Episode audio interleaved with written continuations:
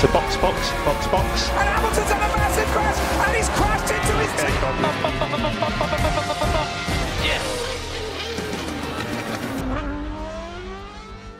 Herkese merhaba. Podstop Podcast'in 5 Kırmızı 1 Yeşil serisinde her zaman olduğu gibi Deniz, Halil ve ben Burak. Türkiye Grand Prix'si hafta sonunu konuşacağız. Beyler selam, hoş geldiniz. Uzun günlerdir, haftalardır, aylardır beklenen gün geldi çattı. İlk olarak Türkiye Grand Prix'si beklentilerinizi karşıladı mı? Hafta sonu bittiğinde Sebastian Vettel gibi pazar günü akşam e, rahat uyudunuz mu? Bunu sorarak başlayayım isterseniz. Hoş bulduk. Ben o zaman atlayayım hemen söze.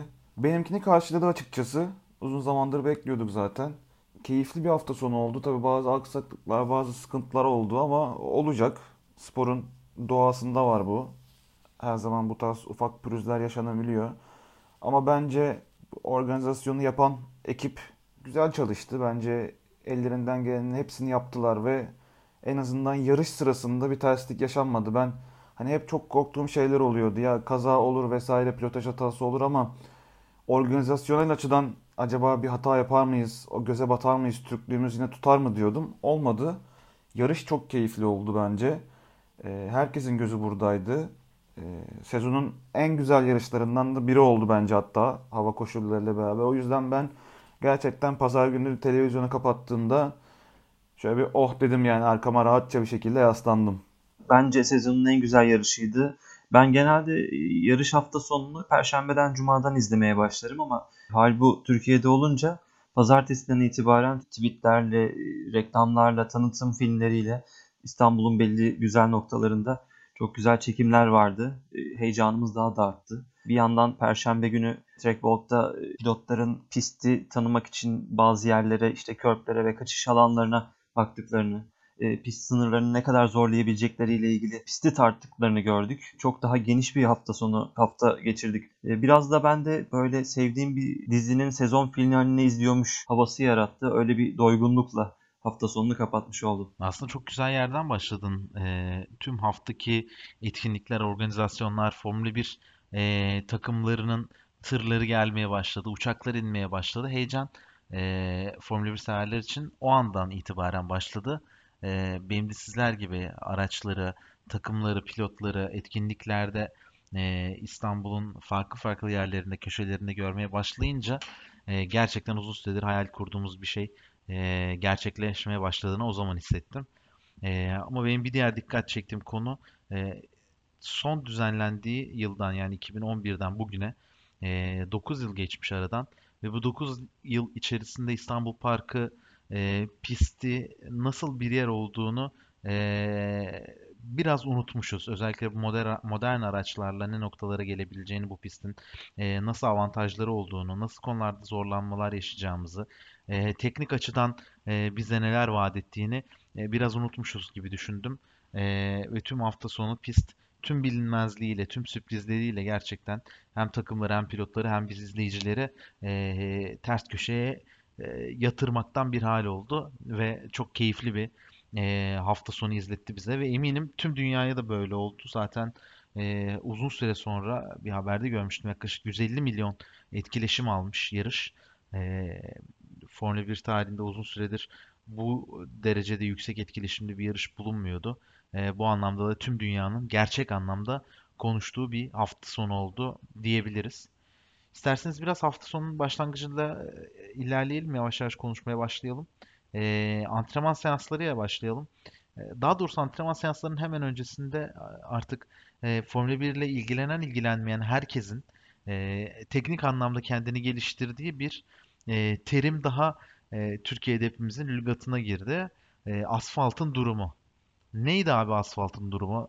E, niye bu kadar konuşuldu? Ve yanlış olan şeyler nelerdi sizce? Ya da e, ya da yanlış diye bir şey yok muydu? Sadece e, hafta sonu Formula 1 hayatına dahil olan e, izleyicilerin, dinleyicilerin ya da habercilerin basının ortaya çıkarttığı bir e, suni gündem miydi sizce? Ben aklımdakileri şöyle özetleyeyim isterseniz. Covid döneminden dolayı yarışın Türkiye'de yapılma durumu bildiğimiz gibi çok sonradan öğrenildi. E, yaklaşık 70-80 gün önce Formula 1 organizasyonu için hazırlıklar yapılmaya başlandı ve 3-3,5 hafta öncesinde de yani yarış başlamadan önceki 3,5 hafta önce e, asfaltın yenilenmesi kararı alındı. Bu sadece pist organizatörlerinin değil aynı zamanda Formula 1 ekibinin de onaylayarak uygun gördüğü bir revizeydi. Daha sonrasında bu soğuk havanın da etkisiyle pistin aşırı kaygan olduğunu gördük asfaltın malzemesinden dolayı serbest antrenmanların en başından itibaren belki de hafta sonu büyük bir felakete dönüşebilir gibi düşünmüştük. Ama sonrasında işler daha farklı bir noktaya gitti. Yağış da beklenmeyen bir değişkendi yağışla da beraber. Belki o asfaltın kayganlığı biraz egale olmuş oldu diyelim yağışla beraber. Onu birazcık daha unuttuk sanki. Antrenman seanslarının e, asfalt dışında konuşulan en önemli konulardan bir tanesi de Ferrari'nin performansı oldu. E, Ferrari'ler e, uzun süre önce artık güncelleme getirmeyi bırakmışlardı ve önümüzdeki yılın aracına hazırlanıyorlardı. Hatta takım patronu Mattia Binotto Türkiye'den itibaren bazı yarışlara katılamayacağını ve önümüzdeki yılın aracının tasarımını, e, gelişimini takip etmek için Maranello'da olacağını açıklamıştı. E, bu sebeple beklentiyi e, çok yüksekte tutmayan Ferrari pilotları antrenman seanslarında oldukça iyi göründüler. Birçok pilotun e, kayıp pist dışına çıktığı dönemlerde, durumlarda e, Ferrari Monakolu pilotu Charles Leclerc e, oldukça keyif aldığına e, ne olursa olsun hafta sonu bu koşullar arasında içinde yarışmak durumunda kaldıklarını dolayısıyla ekstradan e, tur atmaları gerektiğini söylüyor telsizden. E, nitekim bunun da e, sonucunu yarışta yaşamış oldular. Bunun yanında sıralama turlarıyla devam edelim. Sıralama turları aslında e, yağmurun gölgesinde başladı. Yağış şiddetini çok ciddi bir şekilde arttırmıştı. E, bir türlü başlayamayan sıralama turları e, bir süre sonra başladı. Fakat daha sonrasında da yağmur şiddetini arttırdıktan sonra kırmızı bayraklar sallandı. E, ve yaklaşık ilk seansın sadece 10 dakikasını e, izleyebildik. Ve bunu da bir saatlik bir süreç içerisinde izleyebildik seansın durması sebebiyle. E, seansın bitmesine 6 dakika kala e, tekrardan Michael Massey yeşil bayrakları çıkarttı. Pilotlar piste çıkmaya başladı. E, fakat beklentilerin altında tur zamanlarıyla sıralama turlarının ilk seansına geçmiş olduk. E, bu esnada sıralama turlarında sizin dikkatinizi çeken şeyler nelerdi? İsterseniz onlarla konuşalım. Biraz daha yarışa doğru yaklaşalım yavaştan. Bu zaten antrenman turlarında biz takımların zaten lastikleri çalıştıramadığını görmüştük. Yani lastikleri çalıştırmak çok zordu. Bir takımın çalıştırabildiği lastiği diğer takım çalıştıramıyordu ya da tam tersini görüyorduk e, takımların kendine iyi hissettiği lastikler vardı. Ve hani az önce de konuştuğumuz o hani sırf yağmur değil pistin yeni asfaltlandığı için üzerinde oluşan o yağ ve kir tabakası daha çok e, alt e, şeylerin yapılmadığı, yarış yapılmaması, hiç yarış yapılmaması üzerinde farklı yarışların yapılmamasından dolayı hiç kauçuk birikmedi üzerinde ve hani pist zaten çok fazla tutmuyordu. Bunun üzerine yağmur gelince hani takımların yoğun yağmur lastiğimi, geçiş lastiğimi ne yapmak istediklerini çok karar veremediler. E, ve zaten e, tek bir tane yarış çizgisi oluşuyordu. Hem antrenman turlarında hem e, sıralama turlarında ve pilotların takip etmesi gereken tek bir e, yarış çizgisi oluyordu. Bunun yarı sıra yarışta da gördük gerçi. Bazı pilotlar bu çizgiyi bozup lastikleri falan e, ıslatmaya çalıştılar ama sıralama turunun yani ilk Q1'de tabii kırmızı bayrakların vesaire sallanması bir de herkes panik oldu. Ulan yetişemeyeceğiz, yetişeceğiz. Leclerc 16. sırada ilk turları attıktan sonra hani kırmızı bayraklar kalsa belki Q1'de eğlenecek vesaire gibi e, şeyler vardı, konular vardı ama e, bir şekilde yavaş yavaş aslında e, takımlarda bazı şeyleri çözmeye başladılar. Q1 beklediğimiz gibi oldu zaten. Asıl sürpriz Q2'de ve Q3'te yaşandı. Q2'de de zaten son zamanlarda görmeye alışık olmadığımız orta sıra takımlarından McLaren'in Q2 seviyesinde kaldığını gördük. 11. ve 13. sıralarda. Hemen ardında da 12 ve 14'te Ferrari'lerin Q2'de havlu attığını gördük. Ardından da zaten Q3'te tamamen beklentilerimizi aşan çok farklı bir durum oluştu. Racing Point birinci ve üçüncü sırayı kapatmış oldu. Aslında antrenman seansları boyunca ve sıralamalar boyunca Red Bull'un daha e, güçlü olduğunu görmüştük ama ee, belki de son anki pistin daha kuru ya da ıslak tarafını tercih eden pilotların bu şekilde sıralandığını gördük sonrasında zaten. Lance Stroll aslında tarihi bir başarı imza attı burada. En genç pole pozisyonu kazanan 5. pilot oldu. Ee, kendisine de zaten sorsanız hani burada pole düşünüyor musun ya da attığı tur pollük bir tur muydu diye sorsanız ben evet diyeceğini düşünmüyorum. Ee, Birçok komponenti her sektörü ayrı ayrı minimum hatayla geçti. Ee, ama eminim kendisi de çok daha e, hatasız ya da daha iyi zaman çıkartabilecek pilotlar olduğunu e, düşünmüştür. Burada en önemli nokta bence e, Q3'te özellikle Racing Point'lerin geçiş lastiklerine daha erken geçmesi. Pistte pilotların tur atmaya başladıktan sonra suyun azalması ile birlikte geçiş lastiğinin avantajını e, daha kısa sürede yakalamaya çalışmaları oldu. E, geçiş lastiğine daha erken geçtikleri için lastikleri de ideal e, sıcaklığa daha kısa sürede ulaştırdılar. Ya da ideal sıcaklığa en yakın sıcaklığa daha kısa sürede ulaştırdılar diyebiliriz. Bunun avantajıyla zaten e, tarihi bir pole pozisyonu aldılar diye düşünüyorum. Beni burada şaşırtan bir nokta şu oldu aslında. Evet Racing Point'lerin gerçekten yaptığı çok e, önemli bir başarıydı. Hatta dediğiniz gibi zaten Stroll hani kaçıncıyız diye sorduğunda hani sakin ol. Hani kesin netleşmedi ama şu an P1 gibi gözüküyor. Hı falan diye bir tepki verdi zaten. O da çok beklemiyordu onu. Ama burada beni çok en çok şaşırtan aslında Leclerc'in Q2'de elenmesi oldu. Çünkü antrenman seanslarında herkes ya işte zemin çok kötü, kayıyoruz, yapamıyoruz, gidemiyoruz, bu ne böyle diye ağlarken aslında şahıs böyle ya tamam hani zor, evet farkındayız ee, ama yarışta da bunlar olacaksa bunun antrenmanı yapmamız lazım, bunu çalışmamız lazım deyip aslında diğer pilotlardan daha fazla e, şeyde kaldı, pistte kaldı, pist üzerinde kaldı. Ben o yüzden e, daha iyi bir yerde başlayacağını düşünürdüm. Yani daha iyi yerde başlayacak. Yani o da belli olmaz ama e, en azından kendini Q3'e e, atar diye bekliyordum. Atamadı. O beni şaşırttı yani günün sıralama turlarında en büyük şaşırtması o oldu diyebilirim.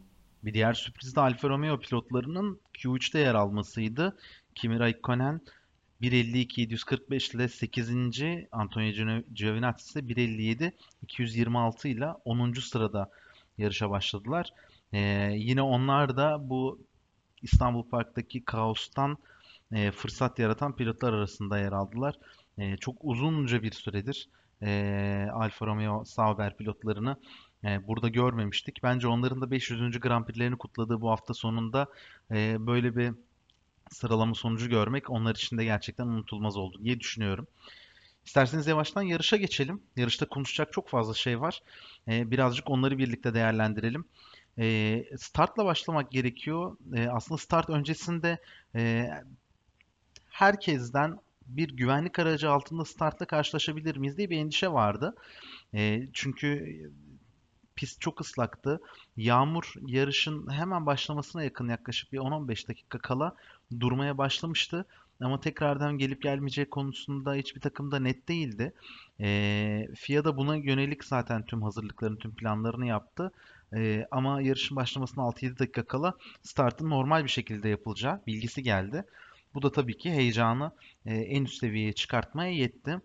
E, startı tekrardan gözden geçirdiğimizde hatta startın hemen öncesinde e, pilotların e, piste çıkış turu attıkları esnada e, iki adet kazayla karşılaştık. Giovinazzi e, aracını pistte tutamadı e, ve çakıl havuzuna saplandı kaldı. Öte yandan e, pit yolundan yarışa başlama konusunda karar alan Williams pilotlarından George Russell ise e, keşif turundan sonra pite dönerken pit yolunda aracını kontrol edemedi kaydı ve ön kanadını kırdı. E, neyse ki ikisi de starta yetiştiler herhangi bir sıkıntıyla karşılaşmadılar. Ee, bunun dışında başka sorun olur mu diye düşündüğümüz anlarda farklı bir durumla karşılaşmadık. Bazı pilotlar güç ünitesi değişikliğinden, bazı pilotlar park fem kurallarını e, esnettikleri için e, grid cezaları almışlardı. E, Lando Norris, Carlos Sainz grid cezası alan pilotlardı. Cumartesi günü sarı bayrakların arka arkaya sallanması ve sarı bayrak altındaki kuralların e, uygulanmasının seans sonrasına bırakılmasından dolayı e, sıralama turları sonucunda alınan pozisyonlardan farklı bir start izlemiş olduk.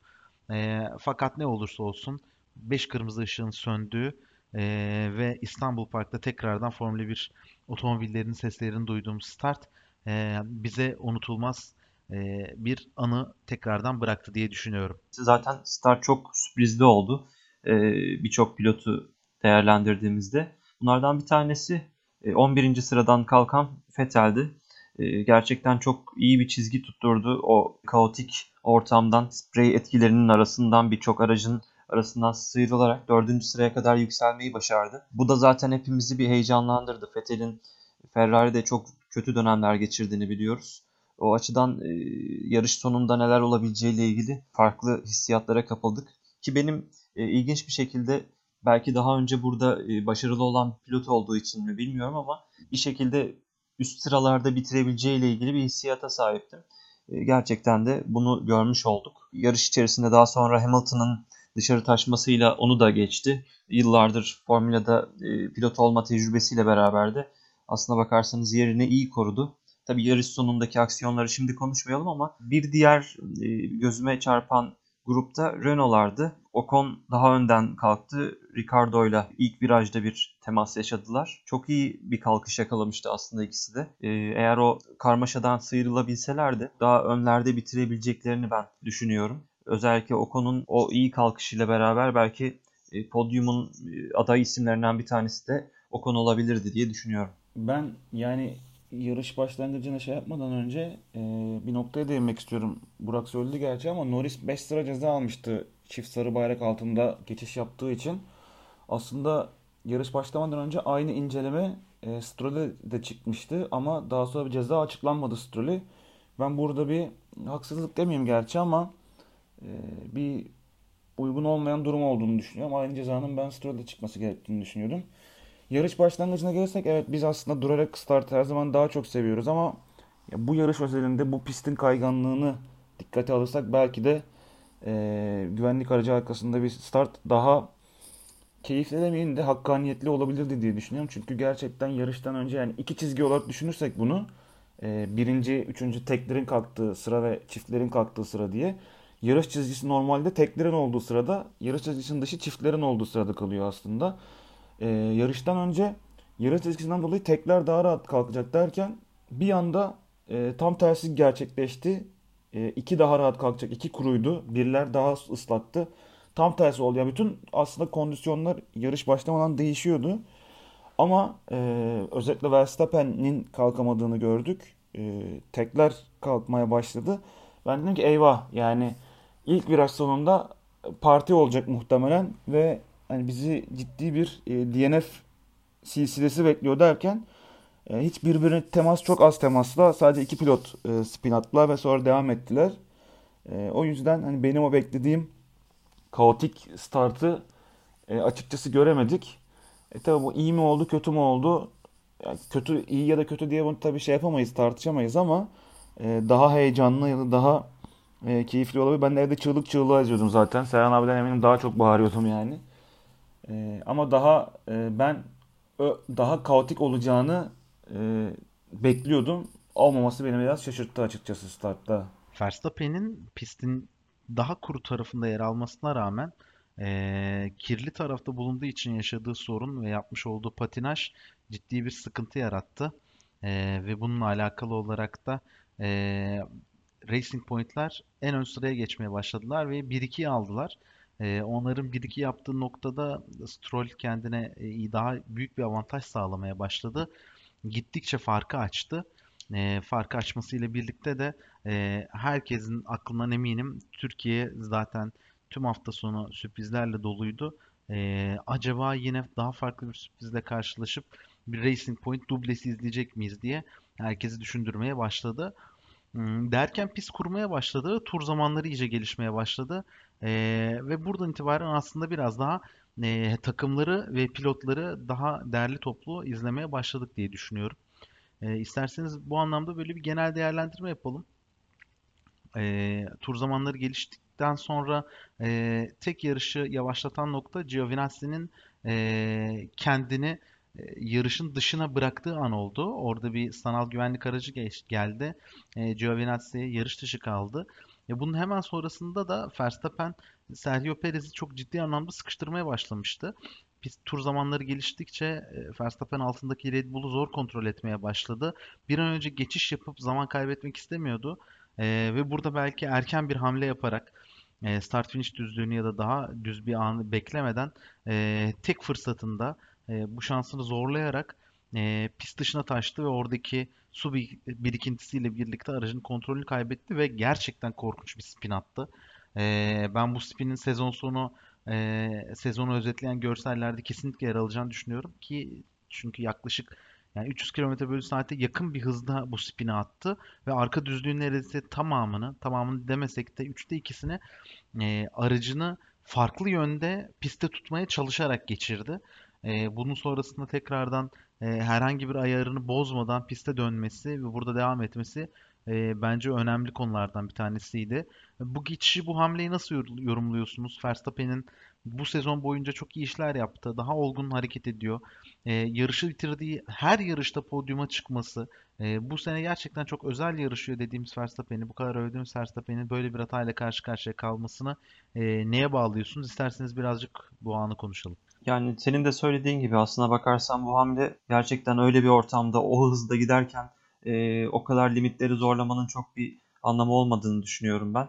E, Perez de çok... Şöyle ekleyeyim Halil. Burada yani Verstappen o zorlamayı yapmasaydı bir tur sonra bunu deneseydi ve geçiş yapsaydı ee, acaba nasıl bir senaryoyla karşılaşırdık? Yani yarışın hikayesinin değiştiği nokta acaba Verstappen'in spini olabilir mi? Olabilir. Yani ben de oraya gelmek istiyordum. Çünkü Verstappen bu şekilde Mercedeslerin geri kaldığı yarışlarda genelde galibiyeti elinde tutan isimdi.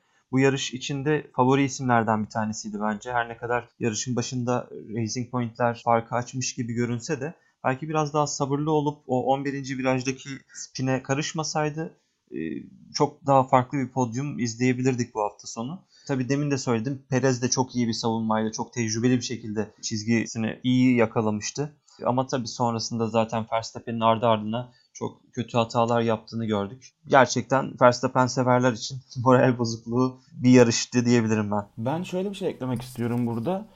Ee, Verstappen'in hem bütün antrenman seanslarında en hızlı gelmesi yani en hızlı zamanı kazanması. Ee, onun üzerine zaten sıralama turlarında e, poli alamadıktan sonra bir tane fotoğrafı düştü sosyal medyaya. E, moral bozukluğuyla böyle bir kuytu köşede bir yerde oturuyor yanında yarış mühendisiyle beraber onun zaten bir psikolojik baskısı da beraber orada Perez'i aslında e, takip ediyordu. Ve daha önce zaten Verstappen'in yağmurlu havalarda yapmış olduğu üstün geçişleri e, aracın hakimiyetini kaybettikten sonra gerçekten çok ciddi şekilde toparladı. Daha önceki yarışlarda zaten e, görmüştük. E, bu Perez'i arkasına sıkıştırması işte bahsettiğim antrenman turlarında gelip yarışı işte startta birinci sıradan başlayaması vesaire gibi şeylerin aslında birikmişliğini orada kustu aslında. Onu geçmek zorundaydı yani. Bir tur bile bekleyecek vakti yoktu Verstappen'in. Muhtemelen orada hani imkanı olsa direksiyonu falan kemirecekti geçmek için. Ama olmadı. Ben bu noktayı şöyle bir şeyle bağlamak istiyorum. Ee, mesela Hamilton Vettel'in arkasında kaldığında takımla hani geçemiyorum, lastikleri boşuna eritiyoruz şu anda yapamıyorum diyordu. Çünkü geçe, geçebilecek bir imkanı yoktu. Yani o pist ya da imkanlar henüz ona izin vermiyordu. Ve Fethel'in e, pite girene kadar e, bekledi. Aslında burada tabi Red Bull bunu bekleyebilir miydi? Beklese ne olurdu? Beklese geçebilir miydi? Nasıl bir süreç e, bizi bekliyordu? Onu düşünmek çok doğru olmaz. Çünkü birçok şey değiştiriyor yarışın düzenini ama mesela Hamilton bunu yaptı.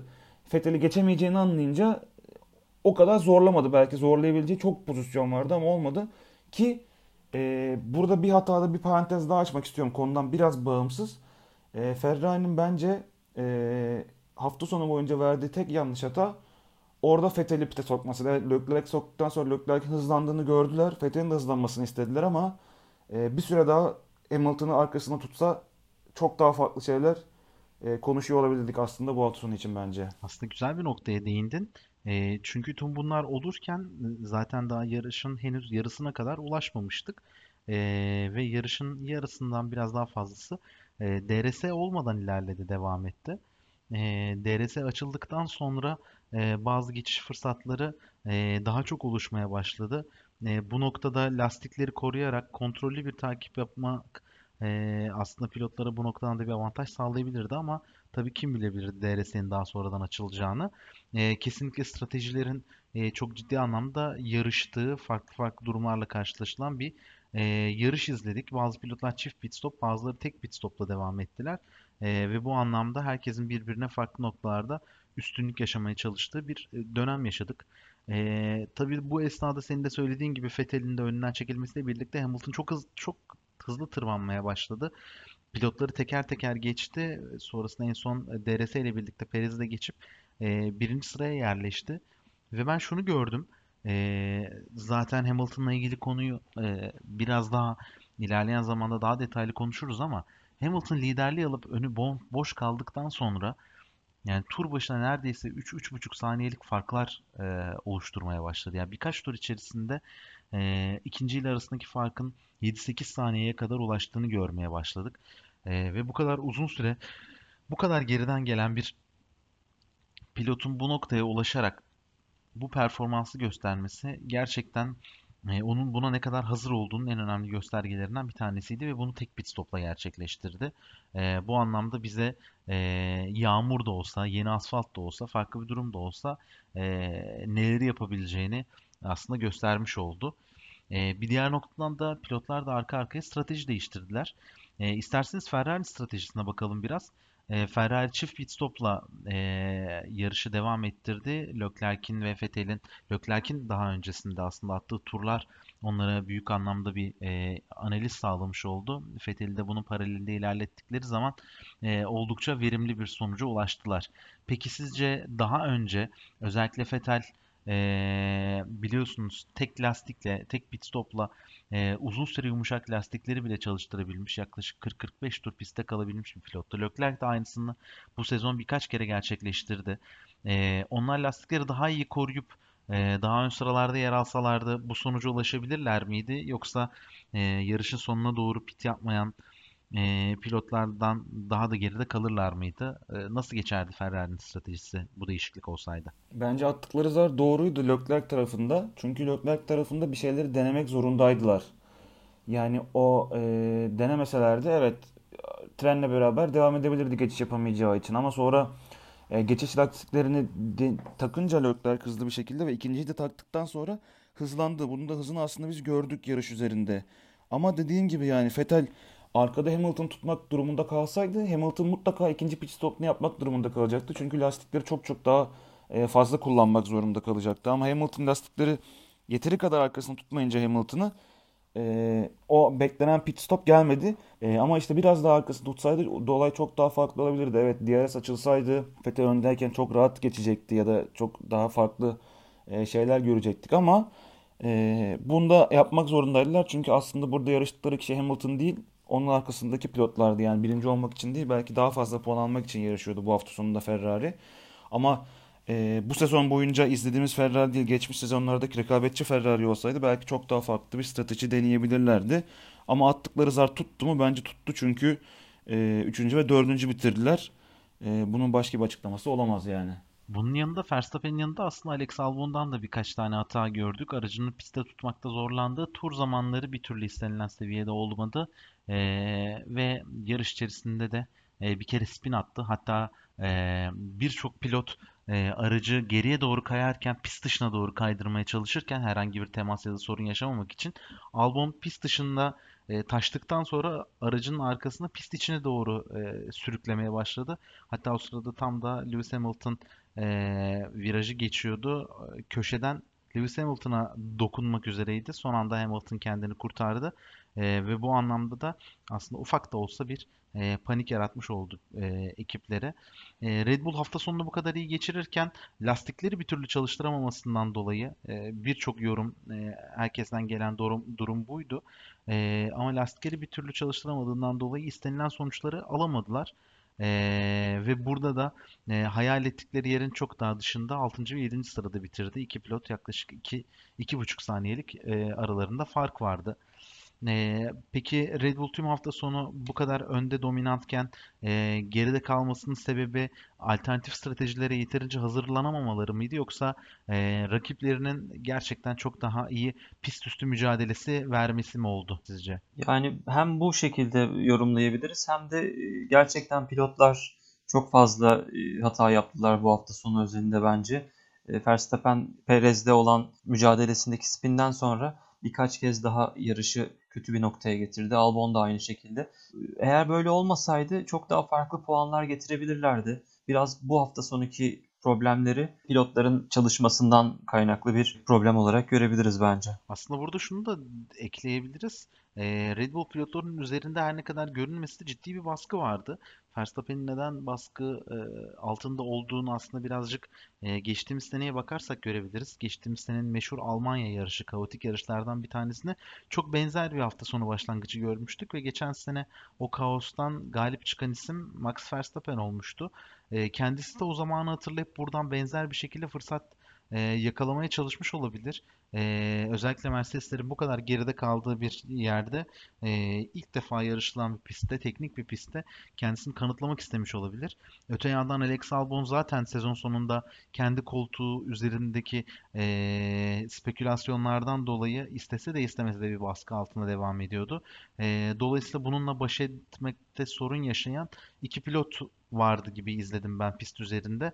E, bundan dolayı da Red Bull'un e, o iyi araç performansını ne lastiklere, ne pist üstü geçişlere, ne de stratejiye yansıtabildiğini düşünüyorum. Yani zaten Verstappen'in e, o spininden sonra o zaten o set lastikleri yakmıştı. Aynı şekilde Albon da zaten e, bir spinden sonra lastikleri yaktı. Bu lastiklerden sonra zaten bir kere daha pite girmek zorundasınız. Bu size ciddi vakit kaybettiriyor.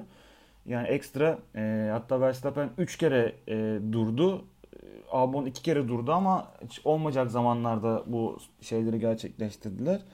E, aslında Verstappen e, bir ara o spinden sonra üçüncülüğe kadar tekrar yükselmişti galiba ama o lastikler devam edemeyeceği için tekrar lastiklerin içinde 8. sıraya yükselebildi ancak.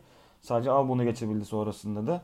Yani e, bir şekilde o lastikleri gerçekten çalıştıramadılar ki zaten sıralama turlarında da e, herkes Intermediate'da iyi gidiyorken e, Verstappen'de Vettel vardı ve hani geçelim mi dediklerinde hayır o lastiği istemiyorum o lastikleri çalıştıramıyoruz falan demişti. E bir şekilde o e, 300. yarış hafta sonunda da e, Red Bull'dan beklediğimiz, istediğimiz, alıştığımız o stratejik e, başarıları bu yarışta çok gördüğümüzü söyleyemeyiz dediğiniz gibi. Daha sonrasında yarışı en önde olduğu dönemde e, kontrol etmeyi çok iyi bilen, e, çok tecrübeli bir Hamilton izledik e, Hamilton performansını ciddi bir şekilde arttırdı. Ve bence aslında e, bu yarışa özel e, birazcık hikaye içerisinde bir hikayeyle karşılaştık. Çünkü yarış başlamadan önce Bottas şampiyonluk şansını sürdürebilmesi için kendi e, otomobil numarası kadar yani 77 puanlık bir farkı koruması gerekiyordu. E, bunun için de elinden geleni yapmaya çalışıyordu. E, tüm hafta sonu öncesinde de e, beklentilerini buna göre oluşturmuştu. Her ne kadar sıralama turlarında iyi bir performans gösteremese de starttan sonra bir aksiyon almayı beklerken e, Bottas çok kötü bir performans sergiledi. Hep gerideydi. Yarış boyunca toplam 6-7 kere spin attı. E, ve Hamilton e, artık işleri yoluna koymaya başladığı zaman e, son turlar yaklaşırken takım arkadaşı Valtteri Bottas'a e, tur bindirdiğini gördük. E, bence Lewis Hamilton'ın şu an hem bu sezonda hem de sporda yakaladığı e, dominasyonun en önemli göstergelerinden bir tanesiydi. E, yani takım arkadaşı şampiyonluk için elindeki tek fırsat burada Hamilton'ı geçip ona fark atmakken Hamilton'a geçilip sadece geçilmeye geçtim tur yedi. E, tur bindirmesine izin verdi. Mavi bayrakları gördü. E, ve tüm bunları görmek gerçekten e, bence sezonun geri kalan için Bottas'ı e, moral ve motivasyon olarak da oldukça zor bir noktaya getirmiştir diye düşünüyorum. E, sonrasında da Hamilton e, lastiklerle ilgili durumu sürekli pit duvarıyla konuşmaya başladı. E, pit duvarı aslında son 2-3 tur kala e, bir pit stop aralığı yarattıklarını düşünerek hazırlık da yapmışlardı lastik değişimi için. E, hem burada belki en hızlı tur zamanında alabilirlerdi. E, fakat Hamilton lastiklerin eğer patlamak gibi bir durumu yoksa, böyle bir risk yoksa devam edeceğim dedi. Ve pite gelmeden son iki tura devam etti. Ee, buradaki aldığı riski gördük. Ee, ama eminim o da pite girip herhangi bir e, sorun yaşandıktan sonra arkadaki racing pointlerle e, benzer zamanlarda, benzer anlarda dönüp e, şampiyonluk öncesinde e, bir drama yaşamak istemedi ve bir galibiyet alarak, Türkiye'de galibiyet alarak şampiyonluğu kazanmak istedi diye düşünüyorum. Bu anlamda baktığımızda Mercedes'i, Hamilton'ı ve Bottas'ı nasıl değerlendirirsiniz yarışta? Bottas'a bakarsak şimdi o ilk zaten turda şanssız bir spin attı. O spinden sonra zaten 19. sıraya kadar gerilemişti. Sonra hızlı bir şekilde yükselmeye çalışırken de e, yine Ocon'la bir e, teması oldu. O temas sonrasında zaten e, yarış sonunda hem takımın yaptığı açıklamada hem de e, Bottas'ın yaptığı açıklamada hem ön kanatta e, bir sıkıntı olduğunu hem de o direksiyona e, giden artık akslarda mı nedir parçanın ismi tam bilmiyorum steering diye geçen kısımda bir hasar olduğunu e, söylediler ve zaten sonra düzlüklerde bile giderken direksiyonun biraz olsun sola doğru baktığını e, söylemişti e, Bottas yarış sonrasında verdiği e, açıklamalarda.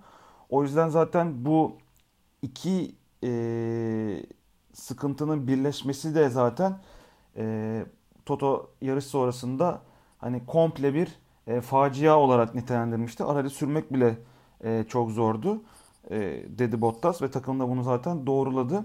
Ama e, sonra yaptığı açıklamada da e, fazla istekli olduğunu kabul etti. Çünkü hata yaptım ama yarış sırasında yarışı kazanamazsam ya da yarışı iyi bir noktada bitiremezsem zaten şampiyon olamayacağımın farkındaydım. O yüzden ne kaybederim ki deyip e, daha fazla gaza bastım ama hem elimdeki kötü araçla hem de bu e, fazla agresif olmayla beraber e, çok fazla hani bir şey yapamadım ve bu kadar çok hata yapmam da aslında sürpriz olmadı dedi. Daha sonra tabii pist kurmaya başlayınca bir şeyler yapmaya çalıştı ama artık o saatten sonra bir şeyler yapamayacağı ortadaydı. E, o yüzden Bottas'ın yarışı dediğimiz gibi e, kötü geçti ama tabii e, Mercedes'e genel olarak ve Hamilton'a baktığımızda tam tersini söyleyeceğiz. E, Hamilton'ın yani sürüş tekniği zaten inanılmaz. Sen de söyledin. Önü açıldığında her saniye her pilota ne olursa olsun e, fark atıp kopup gidebiliyor. 48 tur boyunca o lastikleri o ile bir pozisyonda tutabilmek gerçekten muhteşemdi. E, son turlarda tabi zaten artık şampiyonluğun da gel, gelecek olmasıyla beraber ayrı motivasyonla aracı farklı sürdü. Perez de tekrar e, tek pit stopla bitirdi yarışı.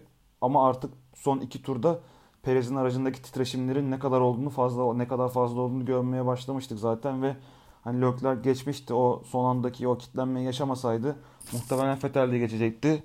E, Perez de podyum dışında kalacaktı ama Hamilton ve Mercedes için müthiş bir hafta sonu diyebiliriz. Son iki tura girdiğimizde e, Hamilton galibiyet için adım adım ilerlerken e, ikincilik için, podyum için daha doğrusu e, çok acayip aksiyonlarla karşılaşmaya başladık. Özellikle son iki virajda e, daha öncesinde Perez'i geçip ikinci sıraya yükselen Leclerc e, son iki viraja gelmeden önceki düzlükte e, Perez'in atağına karşı içeriği kapatmaya çalıştı. Perez dışarıdaydı. İçeriği kapatırken yapmış olduğu blokaj sonrası e, geniş olarak açıldı. Bu sırada e, Perez'e geçildi. Tekrardan aracını piste e, döndürmeye çalışırken ise onu çok yakın takip eden Fethel'e kaybetti. Fethel'e geçirildi e, ve son viraja girdiğimiz anda e, Perez lastiklerinde yaşadığı sorundan dolayı e, bir türlü o ivmelenmeyi, o çekiş gücünü yakalayamadı. Fetel daha iyi yakalamıştı. Neredeyse e, yan yana sayılabilecek kadar bir e, yakınlıkta geçtiler start finish düzlüğünü ve Sergio Perez ikinci, Sebastian Vettel üçüncü oldu. E, hemen onların arkasında da Ferrari'nin genç Monakolu pilotu Charles Leclerc vardı. Yarış biter bitmez daha ilk viraj dönülürken Charles'ın inanılmaz yavaşladığını e, ve direksiyonuna vurduğunu, kafasına vurduğunu ben canlı yayında görmüştüm. Gerçekten onun içinde büyük bir hayal kırıklığı oldu. E, böyle bir hata yapmış olsaydınız acaba sizler neler hissederdiniz? E, eminim birçoğunuz zaten e, böyle bir durum olsa dahi Leclerc'in e, geleceğinin ne kadar parlak olduğunu söyleyeceksiniz ama e, sizce böyle bir hatayı neden yaptı daha önceden öngöremedi mi? Yani muhtemelen e, son turların e, aşırı tansiyonun yüksek olması biraz da böyle bir hatayı ortaya çıkardı. E, aslında Leclerc'in bu konularda çok daha istikrarlı bir pilot olduğunu biliyoruz ama böyle bir şeyin öngörülmesi de çok imkanı yok bence. E, ama günün sonunda da zaten podyuma çıkamasa da e, güzel bir şey oldu. Yine bir, bir diğer e, Ferrari pilotu takım arkadaşı Vettel podyumda bitirdi. En azından farklı bir takımla yer değiştirmediler. E, o da zaten yarıştan sonra Vettel'i bu anlamda çok destekleyici bir mesaj gönderdi. Kötü bir senaryoya dönüşmedi en azından bu hata. Podyum tabii her pilot için inanılmaz bir motivasyon kaynağıdır. Yani bu, bu kesinlikle tersi düşünülmeyecek bir durum. Perez birkaç viraj öncesinde zaten dışarı taşıp pozisyonunu kaybetmişti. Yani son o atağı ya atak bile değildi aslında Leclerc'in yaptığı. Sadece ufak bir blokajla orada pozisyonu kaybetti iki pilota birden. Ee, dediğim gibi ben de o ilk viraj sonundaki yavaşlamasını gördüm. O an zaten e, daha sonra sosyal medyaya düşecek yarış sonu e, takım radyosu kayıtlarını e, merakla beklemeye başlamıştım ben de. O da gerçekten ne kadar sinirli olduğunu gösterdi. Orada gerçi İtalyanca kısımlar ve İngilizce kısımlar e, da e, duygusal dönemlerini görebiliyoruz orada belki de ama herkesin söylediği gibi gerçekten bu aslında gelecekte ne kadar başarılı bir pilot e, olacağını aslında gö- gösteren bize bir durumdu. Ne kadar istekli olduğunu gösteren bir durumdu bunun için. Geriye dönüp baktığında umarım tecrübe kattığını düşünürlerdi ona bu bu kaybın. Tüm bunların sonunda Lewis Hamilton 94. yarış zaferini ve 7. dünya şampiyonluğunu kazanmış oldu İstanbul Park'ta. E, Michael Schumacher'in e, 7 şampiyonluk rekoruna ortak oldu. Yaklaşık kaç hafta önce ki yarışlarda e, Schumacher'in rekorunu zaten egale etmişti yarış kazanma rekorunu. Şimdi şampiyonluk rekoruna ortak oldu. E, gerçekten Lewis Hamilton adım adım e, istatistiksel olarak en azından e, gelmiş geçmiş en iyi Formula 1 pilotu olmaya doğru e, ilerliyor. E, tüm bunların sonunda bence e, güzel detaylar vardı. Hamilton'ın e, şampiyonluk turu sonrasındaki gözyaşları, e, burada vermiş olduğu mesaj, e, gerçekten değindiği konular, e, teşekkür etmesi, e, bu noktada çocuklara, gençlere ilham verici konuşmalar yapması e, oldukça güzeldi bence, keyifliydi. E, zaten e, ilk üç pilotun yanaştığı noktaya gelmiş olduğunda kendisi için özel bir e, tabela hazırlanmıştı. Dünya şampiyonu tabelası vardı. Yani sadece birincilik değil, dünya şampiyonluğu tabelası vardı. Onun önüne aracını park etti. Çok uzunca bir süre e, araçtan inemedi. E, gözyaşlarını tutamadı. E, bir diğer güzel detay eminim zaten herkes konuşmuştur, fark etmiştir ama gelip ilk tebrik eden kişi onu e, ezeli rakibi Sebastian Vettel oldu. E, aracından iner inmez onun yanına geldi. Ee, ve onu tebrik etti. Daha sonra takım arkadaşı geldi. Diğer pilotlar geldi ve Hamilton e, oldukça güzel bir e, yarış galibiyeti kutlamış oldu. İstanbul Park'ta podyum da çok güzeldi gerçekten. Harika animasyonlar, harika e, bir ortam hazırlanmıştı. E, ve hepimiz hep birlikte de Lewis Hamilton'ın e, 7. Dünya Şampiyonluğuna Türkiye'de İstanbul Park'ta şahit olmuş olduk. E, şampiyonluk turu ile ilgili sizin yorumlarınız var mı? İsterseniz biraz da onları konuşalım. Aslında söylenecek her şeyi söyledin. Uzun turlar yaklaşık 53 tur boyunca o lastiklerle ilerletti ve benim de gözüme takılan sonrasında e, aracı podyumun önüne çektiği zaman aracın lastiklerinin ne halde olduğunu gördük. Ona rağmen o aracı hala yolda o e, zeminde, ıslak zeminde tutarak bu galibiyeti sonuna kadar hak etti gerçekten. Gelmiş geçmiş en iyi pilotlar arasında e, artık ismini e, gönül rahatlığıyla söyleyebiliriz bence. E, vermiş olduğu mesaj gerçekten çok başarılıydı. E, yani çocuklara ve gençlere size yapamazsınız diyenlere aldırış etmeyin ve hayallerinizin peşinde gidin. Bu gerçekten hani evet çok başarılı bir sporcu. Aynı zamanda gerçekten çok da hani bu tarz konularda çok e, önemli ve güzel mesajlar veriyor.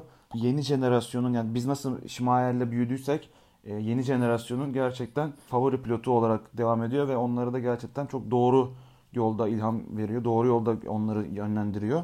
Bir söylediğin nokta daha gerçekten benim hoşuma giden e, organizasyonla alakalı. Bence gerçekten podyum çok güzeldi. Ben çok beğendim. Arkadaki ekranlar sağda solda ve yukarıdaki ekran gerçekten çok güzeldi. Tebrik etmek lazım podyum tasarımını yapan ve onu o hale getiren ekibi de. Bu şekilde Türkiye Grand Prix hafta sonunu kapatalım. İsterseniz bu hafta sonunun yükselenlerini ve düşenlerini konuşalım. Yükselenlerde Halil seninle başlayalım. Senin yükselenin kimdi bu hafta sonu için? Ee, ben Perez'i yükselenler arasında değerlendirmek istiyorum. Ee, hem aldığı sonuçla hem de sıralamalardan itibaren iyi tutturmuş oldu diyelim daha doğrusu iyi bir yarış çizgisiyle birlikte. O da Hamilton'dan sonra yanlış hatırlamıyorsam 48 tur e, boyunca diğer lastiklerle beraber yarış sonuna geldi.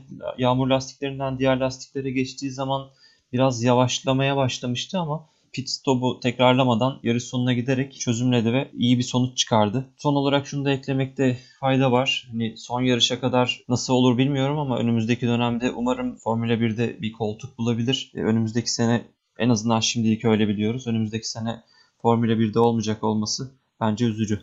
Ee, ben de bu hafta yükselenlere Ferrari yazıyorum takım olarak. Çünkü gerçekten bu senenin en başarılı sonucunu aldılar bence. E, Leclerc'i bir şekilde yukarılarda görebiliyorduk ama Vettel'i uzun zamandır bu kadar yukarıda görmüyorduk. Hatta bu sene hiç zaten podyumda görmemiştik. E, bu senenin ilk podyumunu yaptı. Bu senenin ilk podyumunu yaparken de arkasındaki kişi de takım arkadaşı Charles Leclerc'ti ve takımlarına ikisi toplam 27 puan kazandırdılar. Böylelikle de e, markalar sıralamasında aslında 6. sırayı biraz daha sağlamlaştırdılar. Ve e, Renault'un da bu e, yarış sadece 1 puan aldığını varsayarsak aralarındaki puan farkını sadece 6'ya indirdiler. E, McLaren'da da aralarındaki puan farkı 19'a düştü. Yani e, bir kötü gidişi e, bu toplamış oldukları 27 puanla aslında bir nebze olsun e, düzeltmeye çalıştılar. Önlerinde sadece 3 yarış var. E, belki takımlar sıralamasını daha yukarı çıkarabilirler ama bu yarış özelinde bu aldıkları doğru kararlar ve iyi sürüşle iki pilotunun da iyi sürüşüyle beraber e, bu haftanın yükselenlerinde kendilerine yer buldular benim tarafımda. Bu haftanın en önemli e, yükseleni zaten 7. kez dünya şampiyonluğunu kanıtlayan, dünya şampiyonluğuna ulaşan Lewis Hamilton oldu. Bu hafta sonu e, zaten az önce konuştuğumuz gibi üstün lastik performansı, pist üstünde geçiş kabiliyeti, stratejiyi belirlemesi, sadece takım arkadaşına e, ya da bir numaralı rakiplerine değil, e, griddeki bütün pilotları duymuş olduğu saygı, e, her zaman sosyal konulara, e, politik konulara dikkat çeken, nerede eksik bir durum varsa orada kendine yüksek sesle konuşmak zorunda hisseden sadece bir e, sporcu değil, e, gerçekten e, ilham verici e, bir insan olarak gördük e, Lewis Hamilton'ı tüm kariyeri boyunca. E, Birçok insan e, işte Hamilton mı, Schumacher mi, Senna mı, ya da Prost mu tartışmasına giriyorlar. E, bence aslında bunları tartışmayı belki Hamilton kariyerinin sonrasına bırakabiliriz. Şu an e, karşımızdaki kişi 7 kez dünya şampiyonu olmuş. 94 yarış galibiyeti olan e, tüm rekorları alt üst etmiş ve bunları da e, oldukça başarılı bir şekilde e, yönetmiş bir pilot. E, bence kariyeri hala devam ederken e, onun pist üstünde yaptıklarından e, keyif almaya çalışmak e, bana daha anlamlı geldi. Özellikle bu hafta sonu e, her ne kadar başlangıçta pistle ilgili eleştirileri de olsa, e, lastiklerle ilgili eleştirileri de olsa, birçok konuda farklı bir yorumda da olsa bunlar çok e, profesyonel sporcular ve bunun zirvesine yer alan isimler. E, bazı durumları farklı sebeplerden dolayı da dile getiriyor olabilirler. E, ama pist üstündeki performans gerçekten izlenmeye değerdi. E, Lewis Hamilton bu haftanın kesinlikle e, yükselenler arasında e, yer alıyordu. E, eminim zaten herkes için de bu iş e, bu şekilde bunu tanımlamamız bir sakınca, bir sıkıntı e, yaratmamıştır diye düşünüyorum. İsterseniz haftanın düşenleriyle devam edelim. Bu sefer ben başlayayım. E, haftanın düşenleri arasında takım arkadaşı Valtteri Bottas vardı. E, her ne kadar Lewis Hamilton e, kaygan pistte, bu kaygan zeminde e, dans edermişçesine e, ciddi bir fark atarak e, yarışı bitirmiş olsa da e, yani en yakın rakibine 31 saniyelik bir farkla yarışı bitirmiş olsa da e, Valtteri Bottas farklı şekilde dans etti. E, tüm yarış boyunca yanlış bilmiyorsam 6 ya da 7 kez spin attı. Aracını pistte tutmakta çok zorlandı. E, sıralama turlarındaki performansını yarışa hiç yansıtamadı. E, sıralama turlarında da zaten çok iyi bir performansı yoktu ama e, Q3'e kalan pilotlar arasında dahi çok iyi durumda değildi. Startta ki teması ve pist dışına taşışından sonra kaybettiği sıraları e, ne ıslak zeminde ne kuru zeminde hiçbir şekilde alamadı. Lastikleri çalıştıramadı. E, Hamilton'ın bu kadar dominant bir performans gösterdiği hafta sonunda takım arkadaşının içinde bulunduğu durumu en güzel e, takımdaki telsiz konuşması özetledi. E, yarışın bitmesine 6 tur kaldı mesajı verildiğinde keşke daha az olsaydı bir an önce bitmesini bekliyorum dedi. e, gerçekten e, bu haftanın düşenleri arasında yer alıyordu. Valtteri Bottas yarışı da 14. sırada puan alamadan bitirdi. Diğer düşenlerde istersen seninle devam edelim Deniz. Ben düşenlere bu hafta Renault'u e, ekleyeceğim. Çünkü geçtiğimiz yarışlarda son 3 yarışta 2 podyum yapmıştı Ricardo ve e, o konuda iyi bir gidiş e, sergiliyordu aslında. Bu yarış özelinde bunu ortaya koyamadılar. Gerçi Ocon'un yarışını hem ilk e, virajda hem 9. virajda sanırım Bottas'la yaşamış olduğu iki temas aslında birazcık e, bozmuş olsa da e, bir pilotu 10. bir pilotu 11. bitirebildi. Hatta Ocon tur 7 Ricardo'da bir, bir tur daha olsa muhtemelen o da tur yiyecekti. E, o duruma geldiler. Sadece bir puan alabildiler. Markalar sıralamasında konumlarını ciddi şekilde de sıkıntıya soktular böylelikle. E, o anlamda bu hafta sonu e, en büyük hayal kırıklıklarından e, bir diğeri bence Renault oldu. Halil senin düşenlerinde kim yer alıyor? Ben de bu haftanın düşenlerine Verstappen'i yazıyorum. Böyle bir hafta sonunu mutlaka avantaja çevirmeliydi, iyi değerlendirmeliydi diye düşünüyorum. Sizin de söylemiş olduğunuz gibi biraz sonuca fazla odaklıydı galiba. Belki de içinde bulunduğu durumlara odaklansaydı daha iyi bir sonuç alabilirdi. Hatta Hamilton yarıştan sonraki verdiği bir demecinde bir Formula 1 pilotuysanız sürekli problem çözmek zorundasınız dedi. E, günün sonunda Hamilton'ın bunları yaptığını çok iyi gördük. Verstappen de aynı e, yolu izlerse belki e, önümüzdeki haftalarda, önümüzdeki yarışlarda ve sezonlarda çok daha iyi yerlere gelebilecek yetenekli bir pilot olduğunu zaten biliyoruz. Ama bu hafta e, ne yazık ki düşenler arasındaydı. Yükselenleri ve düşenleri bu şekilde değerlendirdik. Uzun süredir beklediğimiz ve koronavirüs pandemi döneminde bir fırsat çıkıp tekrardan takvime dahil olan İstanbul Park'ta 2020 sezonunda Türkiye Grand Prix'sini izlemek bir hayaldi ve bu hayal çok güzel bir şekilde gerçekleşti. Sadece Türkiye'de değil tüm dünyada ilgiyle takip edildi ve önümüzdeki sezon ya da sezonlarda e, takvimde kendine yer bulmaya için elinden geleni gösterdiği bir yarış, bir organizasyon oldu. E, umarız ilerleyen günlerde bununla ilgili güzel haberler almaya devam ederiz. E, 2020 takviminde de kendimize yer buluruz ve bu sefer e, hem pistten hem canlı olarak gelmiş geçmiş en hızlı Formula 1 otomobillerini e, izleyebiliriz. E, kendinden çok konuşturan bir hafta sonu oldu. E, ve hem de uzun süre konuşulmasına rağmen o ihtimalle gerçekleşti. Lewis Hamilton e, 7. kez dünya şampiyonluğunu burada Türkiye'de garantilemiş oldu. Bitirmeden önce birkaç noktaya da değinmek gerekiyor. Lewis Hamilton kariyerinde kazandığı 7 dünya şampiyonunun yanında e, tüm zamanların en çok yarış kazanan, en çok pole pozisyonuna sahibi olan, en çok podyum gören, en çok e, puan toplayan e, pilotu oldu. E, tüm bunları alt alta koyduğumuz zaman e, sezonun geri kalanında bütün bu rekorları e, geliştireceği dikkate alındığı zaman hala izlemeye değer birçok bize anı bıraktı. Deniz Halil çok teşekkürler. Bu hafta sonu yarış beklemiyor bizi. Bir sonraki hafta sonunda e, Bahreyn Grand Prix'si sonrasında 5 kırmızı 1 yeşil serimizde her zaman olduğu gibi birlikte olacağız. E, hafta içerisinde Bahreyn'le ilgili hazırlamış olduğumuz pist tanıtım videomuzu e, tüm sosyal medya mecralarından e, izleyebilirsiniz, yorum yazabilirsiniz, paylaşabilirsiniz. E, ilerleyen haftalarda görüşmek üzere, hoşçakalın. Hoşçakalın. Hoşçakalın.